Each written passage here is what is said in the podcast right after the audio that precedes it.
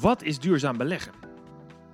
En wat levert het eigenlijk op als je je geld wat beter inzet dan misschien klassiek beleggen? En ja, wat zijn eigenlijk al die begrippen die je langs ziet komen als je een beetje onderzoek doet? We gaan het er vandaag over hebben in de nieuwste aflevering van Je Geld en Of Je Leven. Wat leuk dat je weer luistert. Mijn naam is Michiel van Vught en ik probeer in deze podcast elke keer geld en leven bij elkaar te brengen, zodat je de juiste keuze kunt maken voor jezelf en voor de mensen om je heen. Deze podcast is zoals altijd mede mogelijk gemaakt door NNK Vermogensbeheer.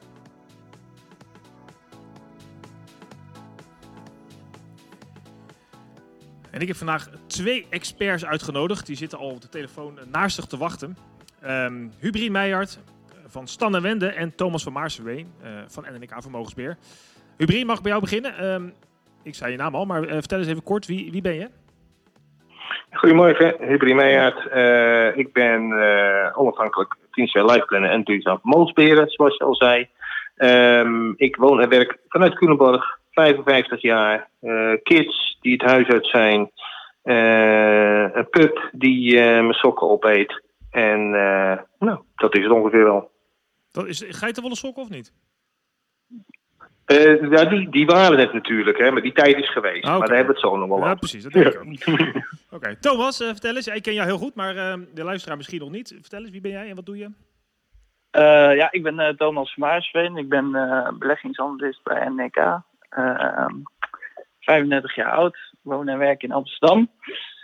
En ik ben mede verantwoordelijk voor het beleggingsbeleid bij NEK. En ik heb een duurzaam beleggingsbeleid ontwikkeld voor NEK. Heel goed. Nou, dus ik denk dat we twee mooie, dat jullie twee mooie gasten zijn om deze drie vragen waar ik mee starten mee te, te gaan behandelen. Uh, uh, ik begin even bij jou, Thomas, als je het goed vindt. kun jij eens in jouw woorden uitleggen ja. wat in jouw optiek dan duurzaam beleggen eigenlijk is? Um, duurzaam beleggen is dat je naast financiële criteria ook wat softere criteria meeneemt, zoals wat de impact voor milieu en maatschappij is in de bedrijven en overheden waar je belegt. Oké, okay. dus je kijkt niet alleen maar naar de, um, nou ja, naar de echt harde ratio, maar je kijkt ook een beetje van wat is eigenlijk de impact van het geld wat je belegt. Ja, inderdaad, ja. En dat is natuurlijk best wel, dat is wat het zo moeilijk maakt, duurzaam beleggen, omdat dat stukje natuurlijk vrij subjectief is. Ja, precies. Nou, daar gaan we zeker nog over spreken. Ubrin, jij uh, hebt uh, Stan en Wende mede opgericht, samen met Wouter van Leuzen. Um, zijn jullie daar ook heel actief met, uh, met doe je trouwens al veel langer, want je had eerst nog groen goud, meen ik. ja, klopt. Hoe kijk jij tegen duurzaam beleggen aan? Hoe omschrijf jij duurzaam beleggen voor je klanten? Duurzaam beleggen is wat mij betreft dat je goed nadenkt waar je je geld in investeert. in, in bedrijven en in zaken ja, die, uh, die zorgen dat wij straks een, een minimaal dezelfde, maar eigenlijk een betere wereld kunnen doorgeven aan onze kids. Dat klinkt vrij hoogdravend, maar onderaan de streep gaat het om dat je gewoon even goed nadenkt wat je met je geld doet en dat je datzelfde vraagt van de bedrijven. Uh, dus uh, dus dat, en dat vind ik eigenlijk helemaal niet soft, hè, zoals Thomas net zei. Dat vind ik gewoon hele, hele harde gegevens en, en, daar moet je het ook op doen. Dat, dat software van die geitenwolle sokken waar we het net over hadden, dat mag er wel af wat mij betreft. Gewoon uh, uh, aan de gang, bedrijven langs de duurzame meetlat leggen. En nou, daar kun je je beleggingen aan afmeten. Ja, nou, ik snap, maar ik snap wat Thomas' soft opmerking, aangezien het natuurlijk subjectief is. Hè? Want wat is dan duurzaam? Is het duurzaam als je... Um, ja, als je, alleen, als je al goed naar het klimaat kijkt, of is het, uh, ben je duurzaam als je naar de mensen kijkt die bij je werken, of als je je belasting netjes betaalt, of dat je het misschien een beetje doet, maar niet volledig. wanneer wordt het een duurzame belegging? Dat is natuurlijk, dat is natuurlijk lastig. Dat klopt, dat is ook zo. En er is ook niet één wereldwijd stempel uh, waarop je een bedrijf uh, aan het duurzaamheidsplat ligt. Maar je kunt wel op een aantal factoren kijken. Hè. Bijvoorbeeld heel simpel zit ik te bedenken als voorbeeld CO2-uitstoot. Je kunt gewoon kijken naar bedrijven, vergelijkbare bedrijven, die, uh, die het minder, beter of slechter doen op basis van CO2-uitstoot. Nou, dat zijn, dat is, er is niks softs aan, dat is gewoon data. Dus daar kun je best wat mee doen. Ja, precies, dat ben ik heel met je eens, dat snap ik. ik die CO2, uh, Thomas, ik weet dat jij er zelf ook heel erg naar kijkt binnen het beleid van NNEK. Ehm, kun je eens de mensen die, die, die luisteren, die denken, ja, ja, dat vind ik wel interessant, maar Hoe werkt zoiets dan? Hoe, hoe start je als jij het, het, duurzaam of maatschappijbewust beleggingsbeleid gaat inrichten? hoe, hoe maak je een kader? Waar ga je naar kijken? Wat zijn, nou ja, hoe begin je? Nou ja, dat is een goede vraag. Um, ja, ik denk uh, CO2-uitstoot is een voorbeeld natuurlijk, maar ik denk dat je naar het gehele plaatje moet kijken van een bedrijf waar je in gaat beleggen. En dat wordt vaak uh, met drie uh, criteria benoemd. En dat is ESG, dus environmental, dus milieu, social, dat is bestuurlijk, of dat is meer het sociale maatschappijbewuste gedeelte en governance. En dat is het bestuur van een bedrijf. Dat zijn eigenlijk drie criteria die, belangrijk, die ik dan belangrijk vind. En ik denk ook, daar kijkt eigenlijk de hele, hele industrie, beleggingsindustrie naar als het gaat om duurzaam beleggen. Um, daar ga je eigenlijk een kader omheen bouwen van wat vind je daar binnen belangrijk en hoe kun je dat meten. Zoals milieu kun je dus CO2-uitstoot, dat kun je gewoon meten. Die uh, bedrijven die moeten die cijfers afgeven van hoeveel, uh, hoeveel CO2 ze uitstoten per miljoen euro omzet. En daar kun je dan een, uh, kijken van is dat binnen die sector, is dat veel of weinig, doen ze er wat aan, hebben ze daar plannen binnen om dat te verminderen.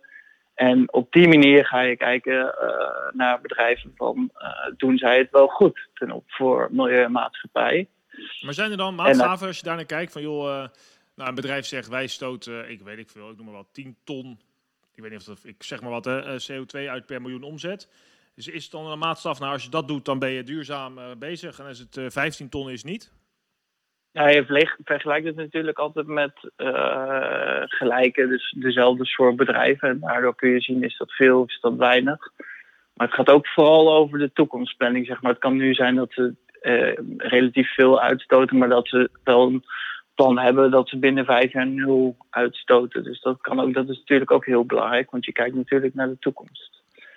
Ja, en voor, ja, voor mij zijn dat ook, als je nou kijkt, uh, het is natuurlijk uh, uh, voor mij het mes snijdt aan twee kanten. Want ik wil ook beleggen voor mijn kinderen later, dat ze in een mooie wereld nog leven en nog in, bij Great Barrier Reef kunnen duiken en daar nog mooi koraal zien.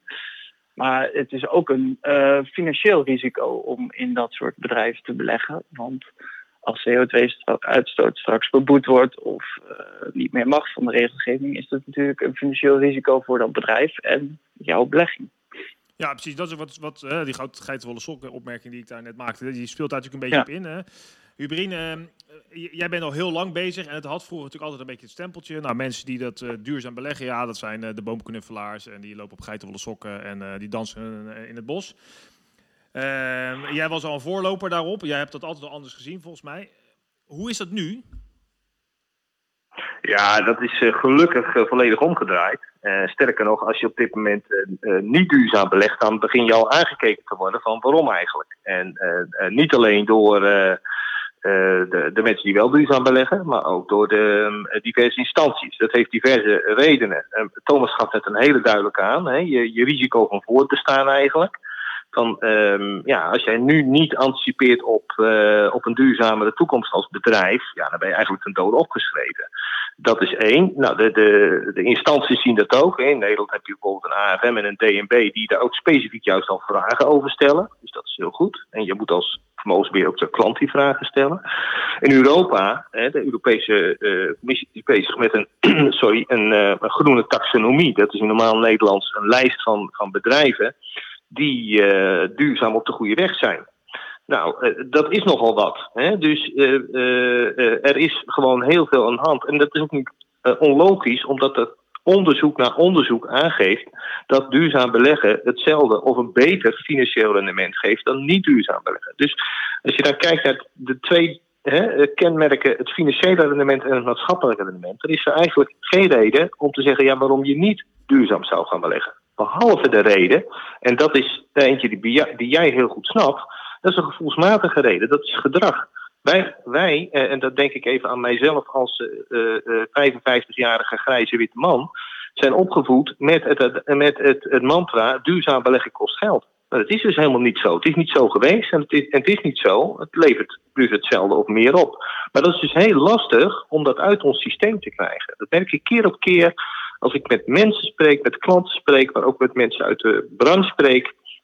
De cijfers zijn duidelijk, maar nu het gedrag nog. Ja, en dat zit er ook wel, denk ik, in dat uh, als je ja, ik ben hoe lang gelezen, laten we zeggen een jaar of twintig geleden, dan had je de Rainbow Warrior van Greenpeace die dan zich vastketende en zo. dan was dat allemaal natuurlijk ja. voor een goed milieu. Maar ja, dat was wel de linkse hobby en weet je, heel veel mensen hadden daar een broertje dood aan.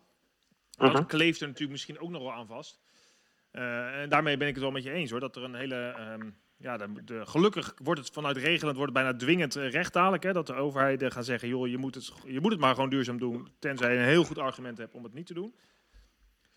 Um, maar er is wel een gedragsverandering voor nodig. En ik denk wel dat we het zien. Het, uh, Thomas, jij bent ook al jarenlang uh, ook al fervent voorstander van de, het verantwoord en duurzaam beleggen. Welke veranderingen heb jij de laatste jaren zien gebeuren hè, op dat vlak? Nou, voornamelijk wij beleggen in beleggingsfondsen. En we zien dat dat aanbod echt explosief is toegenomen van beleggingsfondsen. Dus de hele dat wil zeggen dat de vraag eh, in de markt uh, enorm is gestegen naar duurzaam of verantwoord beleggen.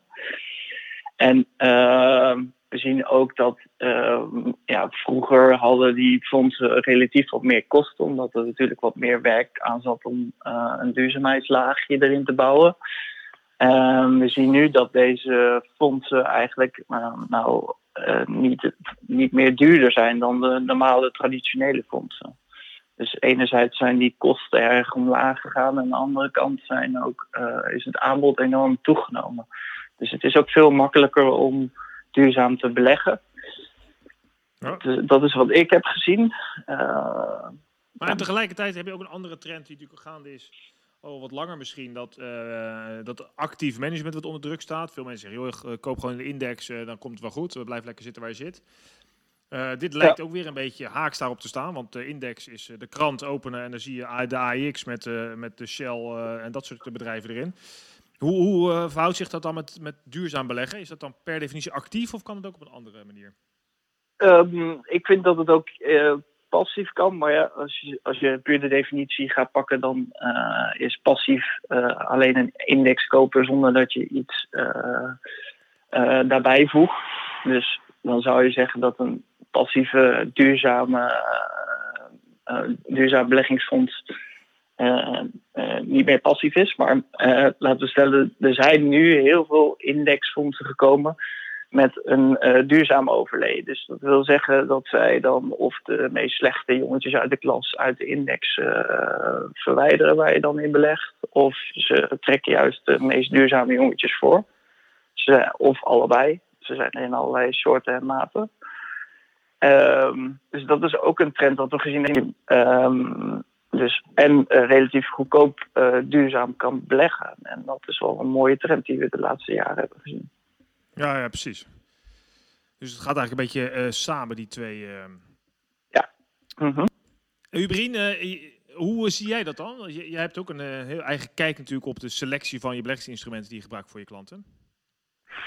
Uh, ja, dat klopt. Um, en uh, indexbeleggen is inderdaad een. Uh, ja, eigenlijk is dat wel bewezen de beste manier om, om, om een, een, goed rendement te maken tegen zo laag mogelijk kosten. Um, en dat kan inderdaad ook bij, bij groene fondsen. Wij noemen dat dan lichtgroen beleggen. En waarom lichtgroen? Omdat je verder geen inspraak hebt. Je volgt gewoon een index. Terwijl een van de juist van de, van de krachtige dingen van duurzaam beleggen is dat je ook uh, je stem echt laat gelden en doet aan engagement. Engagement in normaal Nederlands is dat je je aandeelhouderschap echt actief gebruikt. Dat je met een directie in uh, overleg gaat. Nou, dat werkt niet met een indexfonds, uh, maar wel met een actief beheerd fonds. Um, en actief beheerde fondsen kunnen ook meer naar de donkergroene kant opschuiven. door echt te kiezen voor, voor impact. Dus niet volgend zijn, maar voorop lopen. En dat kan een indexfonds niet. Dus uh, wat wij bijvoorbeeld doen bij uh, Wende, is dat we een, een mix maken. Uh, we proberen zoveel mogelijk impactfondsen te doen, maar we maken zeker ook gebruik van zo, nou ja, zo groen mogelijke indexfondsen. Ja, zo werkt dat. Ja, precies. Nou, Ja, Thomas? Als ik daar nou, je hebt wel veel, uh, eigenlijk de meeste indexfondsen doen tegenwoordig ook aan engagement. Maar ik ben het wel met je eens is dat uh, over het algemeen je daar natuurlijk een index volgt. Dus je volgt een bepaalde set uh, regels waarmee je bedrijven worden uitgesloten of worden ingesloten uh, of extra naar, naar voren komen. Is dat het misschien ja, iets minder impact hebt dan als je een actieve manager bent en maandelijks in gesprek bent met die bedrijven over duurzaamheid waar je in belegt. Ja. En, en er zijn natuurlijk ook sommige sectoren waarin, uh, ja, of landen waarin gewoon een index nog niet bestaat of niet kan. Hè. Dus dan ben je sowieso aangewezen op actieve fondsen. Uh, denk aan microkrediet, denk aan specifieke landen of, of, uh, of regio's. Hè, dus ehm, eh, het, het, schuift, dat vind ik heel boeiend om te zien. Ehm, dat de indexfondsen wat dat betreft ook opschuiven en ook meters maken. Dus nou, interessant voor de belegger. Ja, dat is een goede ontwikkeling. Ja, volgens mij zegt we bij NK zeggen we ook het sowieso duurzaam en dan index waar het kan en actief waar het moet hoor. Zoiets in die uh, trant, toch Thomas? Mm -hmm. Ja, inderdaad. Hey, ik hoor jullie al wat begrippen allemaal zeggen. Het is misschien goed om daar even kort wat uitleg over te geven. Ik hoorde de ESG, die kwam al langs. Hè, dus het gaat eigenlijk over milieu, sociale uh, omstandigheden en de, de, bedrijfsvoering. Nou zie ik zelf ook nog wel eens, uh, ik hoorde jullie eigenlijk trouwens zeggen, ook uitsluiten en juist insluiten. Uh, ik zie ook nog wel eens langskomen, uh, wij doen mee of wij onderschrijven UNPRI. Dus we zijn duurzaam. Volgens mij is er allemaal wel wat kanttekeningen bij te plaatsen. Uh, maar is misschien even beginnen met in- en uitsluiten. Wat werd al kort gezegd, maar leg nog eens kort uit. Thomas, wil je dat doen? ja hoor, tuurlijk. Um, ja, dus stel je hebt een, een indexfonds en daar zitten 25 namen in. En dan wordt er binnen dat indexfonds wordt er gekeken van, naar, naar die drie uh, variabelen E, S en G.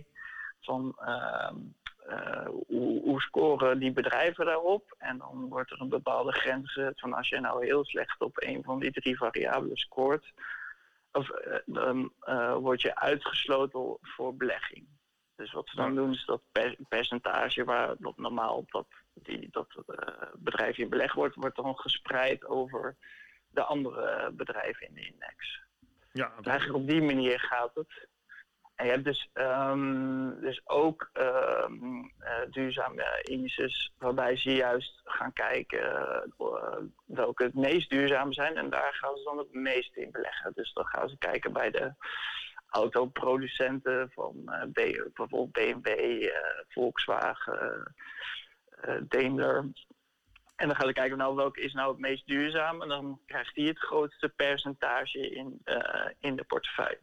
Dus op die manier gaan ja, dan de, de, de, de, beste jongetjes van de klas uh, naar voren schuiven. Als op het gebied van duurzaamheid. Hubrien, heb jij, gebruiken jullie zoiets? In je, dat jullie zeggen, wij willen juist extra veel uh, partijen die insluiten of juist uitsluiten? Of is het een, een, een, een combinatie van al die facetten? Nou, het is een combinatie uitsluiten en uh, uh, dat is eigenlijk al de standaard. Hè. Uh, er is geen discussie meer over bedrijven die iets doen met kinderarbeid, wapens of weet ik. Die, die komen gewoon niet in beeld. Dat is heel simpel. Nou worden dat ook steeds minder, dus dat is, dat is fijn. dan heb je inderdaad, het volgende is het, je noemde het al, het UNPRI. Dat zijn ook een aantal factoren die, een, waarop je uitsluit. Uh, dus dat is gewoon eigenlijk, wij noemen dat de bagger, die wil je niet aan boord hebben. Um, nou, en dan ga je kijken naar, hè, Thomas noemt insluiting, soms noemt het ook best in class. Hè, dus hoe, uh, hoe goed is een bedrijf in zijn sector? Uh, en daar zit, dat is, dat is op zich een goed teken, maar het heeft twee kan, aandachtspunten. De ene is, je kijkt dan naar de situatie nu. En dat hoeft dus helemaal niet te betekenen dat dat bedrijf, die het nu misschien voorlopen, maar misschien zijn er wel veel betere bedrijven die hardere stappen maken, maar die nog niet in beeld zijn. Dus ja. dat moet je opletten. En het tweede is dat je uh, bij uh, Best in Class wel, als je, zeker als je een index volgt, uh, in alle sectoren blijft zitten. Dat betekent dus ook dat je het, um, ja, laat ik het zo zeggen, minst slechte fossiele bedrijf aan boord hebt. en ja, dat, dat wil je niet altijd als duurzame belegger. Dus het blijft altijd kijken van, ja, dat is ook een eigen verantwoordelijkheid. Daar, heb ik het met mensen over van, ja, wat, wat wil je zelf? He, hoe, hoe Ja, oké. nou ja, de, eh, ja, dit is een beetje ge- houtje touwtje gedoe, want de computer viel uit. Maar Hubrin was net zijn zin aan het afmaken. eh, ja, hoe groen wil je het eigenlijk zelf hebben? En toen eh, liepen dat er fazanten voor ook- jouw raam trouwens, Hubrin. Was ook wel aardig om te melden in het kader van natuur. Ja, lieten eh, vrouwtjes fazanten voor jouw raam. Dus dat maakte het misschien allemaal wat Ja, ja, ja, dus, Ja, dus, dus de kenner eh, die weet dat dat bijzonder is. Want die houden zich natuurlijk, het zijn de grijze duiven, de grijze verzanten, die houden zich schuil. Dus eh, dat is boeiend. Dat is Eh. Maar goed, ik heb het fotostel aan mijn oor op dit moment, zullen we maar zeggen. ja precies. Ehm, en, en daar ging het niet om. En nee, het gaat erom van hoe groen wil je het hebben. Eh, dus het betekent ook dat je daarover over kan, gelukkig ook kan nadenken als duurzame belegger. Hè? En, en je kunt een beetje als, als leidraad aanhouden van ja, van lichtgroen naar donkergroen. Daar zit ook een, natuurlijk, wat we net over hadden, een kostaspect in. En bij eh, net duurzaam beleggen is eigenlijk gewoon ja, beleggen, maar dan met een duurzame eh, laag eroverheen. Eh, kosten zijn heel belangrijk. Dus ehm, je moet toch wel goed kijken naar, nou ja, wat vind jij als belegger acceptabel in kosten en in opbrengst ten opzichte van eh, ja, jouw eh, visie op, eh, op duurzaamheid. Precies. Nou, voordat we nog even naar die opbrengsten gaan, toch nog heel even, Thomas, die UNPRI. Want ik zie dat eigenlijk iedereen dan, eh, dat is de United Nations Principles of Responsible Investing. En volgens mij heeft in ieder geval iedereen committeert zich eraan. Maar welke nuance moeten we daar dan bij plaatsen, als we dat zien? Ehm, ja, de, de, de is eigenlijk dat die eh, beleggingspartijen die committeren zich aan een bepaalde stelregels dat ze duurzaamheid meenemen in hun belegging. Maar dat wil niet altijd zeggen dat ze dan heel duurzaam beleggen. Dus persoonlijk ik vind het een goede, eh, ja, het is niet slecht, maar is ook weer aan de andere kant een beetje een wassen neus eerlijk gezegd. Ja, dus volgens mij geven, partij, zijn er ook van die status, hè? Dus die fondsen krijgen een bepaalde rating van de Verenigde Naties. En die is wel belangrijk om een beeld te krijgen, volgens Ja. mij. Ja, dat is wel eh, op zich zegt dat wel wat meer. Ja, maar het is natuurlijk, eh, als je gaat kijken naar eh, al die beleggingsfondsen die die partijen aanbieden, dan zitten daar grote verschillen in. Dus dan zou je echt goed moeten kijken eh, wat, wat nou binnen jouw eh, smaak valt. Dus wat Hubrin ook zegt, van nou, hoe groen wil je gaan. Ja. Dat is ook een beetje het subjectieve van het hele verhaal. Kijk, ik zeg eh, alles wat ook al doe je uitsluiten of je doet juist insluiten of je doet heel erg impact beleggen. Het is allemaal beter dan niet doen, vind ik sowieso. Maar het ligt een beetje aan wat jij prefereert. Dat, is, eh, dat maakt het ook juist wel weer leuk, vind ik. Ja, precies. Je dat gooit daar eigenlijk je eigen mening in je belegging. Wat vind jij belangrijk? Ja, ja dat is naast, ja. naast dat ik de- ook denk dat het wel belangrijk is om juist de, de slechte bedrijven uit te sluiten. Omdat die wel een risico vormen. Dat, financieel gezien. Ja, omdat het potentiële verliezers van de toekomst eh, Ja. kunnen zijn. Hè? Mhm. Nou, het- Ja. de- deze opname gaat verre van vlekkeloos, want hij is al een paar keer uitgevallen. Maar ondertussen kletsen jullie gewoon door, hoorde ik in mijn oor. En ehm, jullie hadden het net ook over de, het, het duurzaam beleggen en de coronacrisis. Dat het aardig is om daar nog eens wat over te vertellen. Dus wie... eh, Ja, je ziet. Ja. Wil jij, Ubrien? Ga maar. Ja, nou ja, eh, we hadden het er inderdaad net over. We hadden het allebei gesignaleerd. Eigenlijk heeft iedereen in beleggingsland het gesignaleerd. eh, en heel positief. Is dat in, eh, eh, met name in februari en maart, toen, eh, toen de crisis losbrak. en de koersen alle kanten opvlogen, ja, omlaag. bleek dat de duurzame beleggingsfondsen beter, lees veel beter, bleven liggen. Ging ook wel omlaag, maar veel minder dan niet duurzame fondsen. Dat vonden een hoop mensen heel verrassend. eh, maar dat is het eigenlijk helemaal niet. Het heeft te maken met wat we er straks zeiden. Van, als je nou kijkt als bedrijf en je kijkt naar die factoren. en Je, je richt je dus op de toekomst. Of je bent er al beter op voorbereid. Ja, dan heb je dus minder last van zo'n crisis op een gegeven moment. Hè? Dus, dus eigenlijk is het heel logisch. Maar het was wel heel duidelijk. En, en iedereen heeft het ook eigenlijk gezien. Dus dat is natuurlijk heel positief. Eh, als je gewoon met data, harde data ja, dat eh, door dat, door dat eh, gedrag heen kan van ja, nou, duurzaam beleggen kost geld. Dus dat vind ik heel positief. Ik weet niet of Thomas of jij nog wat toe te voegen hebt? Ja, je ziet wel dat het coronavirus natuurlijk wat trends eh, extra zetje geeft. Zoals ehm, eh, digitalisering, maar ook ESG is daar ook een belangrijk onderdeel van. Ehm, want je ziet dus dat eh, mensen merken dat er wel degelijk een risico vast zit aan wat minder duurzame bedrijven. En dan hebben we het voornamelijk over olie- en eh, grondstoffenbedrijven. Die gingen hard onderuit tijdens de coronacrisis. En eh, dat vonden mensen toch wel een, denk ik, een groot risico en zijn daardoor meer richting het uitsluiten daarvan gegaan. En dan ga je al richting duurzame fondsen. En is het ook zo dat je dan de, dat je ook zeg bedrijven ziet die het beter doen, niet alleen omdat ze. Ja, ik kan me voorstellen, zo'n Shell bijvoorbeeld, ja, die had last van die, van die oliecrisis en de coronacrisis. Mm -hmm. Dus dat, dat valt dan op. Maar zijn er ook best bedrijven die doordat ze een, een duurzame koers varen, het juist beter deden? Uh, mensen die, bedrijven die uh, weet ik veel, uh, al meer geld opzij zetten en daardoor weet ik veel, beter door die crisis kwamen. Zijn dat soort voorbeelden ook bekend? Ja, nou, er zijn wel natuurlijk veel bedrijven die hun zaakjes netjes op orde hadden, die makkelijker de klap op konden, op, konden opvangen en ook aantrekkelijker werden voor beleggers om daarin te gaan beleggen. En dat waren ook voornamelijk de techbedrijven die veel cash hebben. En um, zoals de Amazons en de Apples, die werden heel erg aantrekkelijk voor mensen. Omdat die veel cash op de balans hebben. Dus die kunnen dan zo'n klap makkelijk opvangen. Maar de coronacrisis speelde dat soort bedrijven ook wel in de kaart. In de zin van dat veel meer mensen online gingen bestellen en uh, vanuit huis gingen werken. Dus er veel meer vraag naar digitale producten. En is digitale, die, die, die tech en digitale omgeving, is dat ook iets wat wel in de uh, een, een ESG, een hoge ESG-waardering krijgt? Als ik het zo kan uitdrukken. Ja, over het algemeen wel, ja. Omdat zij uh, natuurlijk op milieu stoten zij over het algemeen niet zoveel uit. Zij hebben geen fabrieken of nou, relatief minder zijn wat minder milieu-intensieve bedrijven. Um, ja, je ziet vaak dat ze social ook goed scoren op diversiteit. Uh, en governance is ook meestal wel relatief beter dan andere bedrijven. Dus je ziet wel vaak dat uh, tech ja, op de meetlat wat hoger scoort. Ja, precies, oké. Nou, dat was interessant, want um, ja, ik ben zelf ook een groot voorstander van het verantwoord beleggen en duurzaam beleggen. Um, maar ik hoop dat mensen die geluisterd hebben ook wat meer inzicht hebben gekregen. Um, sowieso kun je op ndk.nl uiteraard meer informatie vinden. En ook op stanwende.nl, zeg ik dat goed, uh, Hubrin? Helemaal goed, dank je. Uh, graag, graag gedaan. We zijn al een beetje aan het einde gekomen. We zijn al 27 minuutjes onderweg. Zijn er nog uh, dat je zegt, nou, ik wil toch nog even één statement maken, één ding vertellen. Dit mogen we niet vergeten. Uh, Hubrin?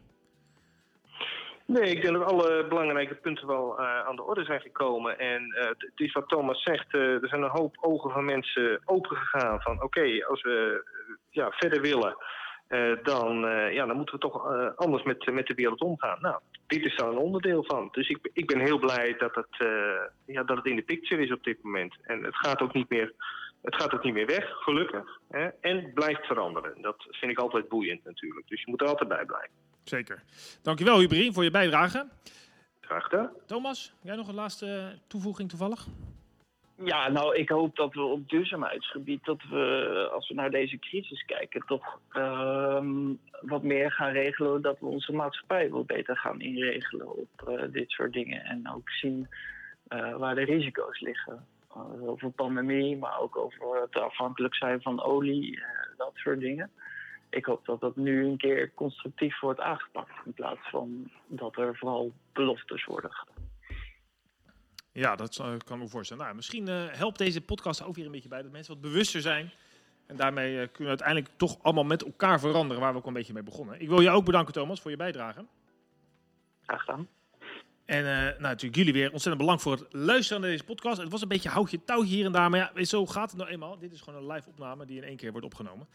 Uh, mocht je hier nou meer vragen over hebben, uh, kijk in de opmerkingen. Daar vind je de relevante links. Uh, Johanneke, dankjewel voor het aandragen van dit onderwerp. En hetzelfde geldt voor Fred. leuk dat jullie vragen stellen. Schiet die ook vooral in. Stuur me een berichtje of een mailtje over de onderwerpen die je graag behandeld wil hebben. Voor meer informatie kijk je eventueel nog op michielvanvugt.com voor alle andere podcasts.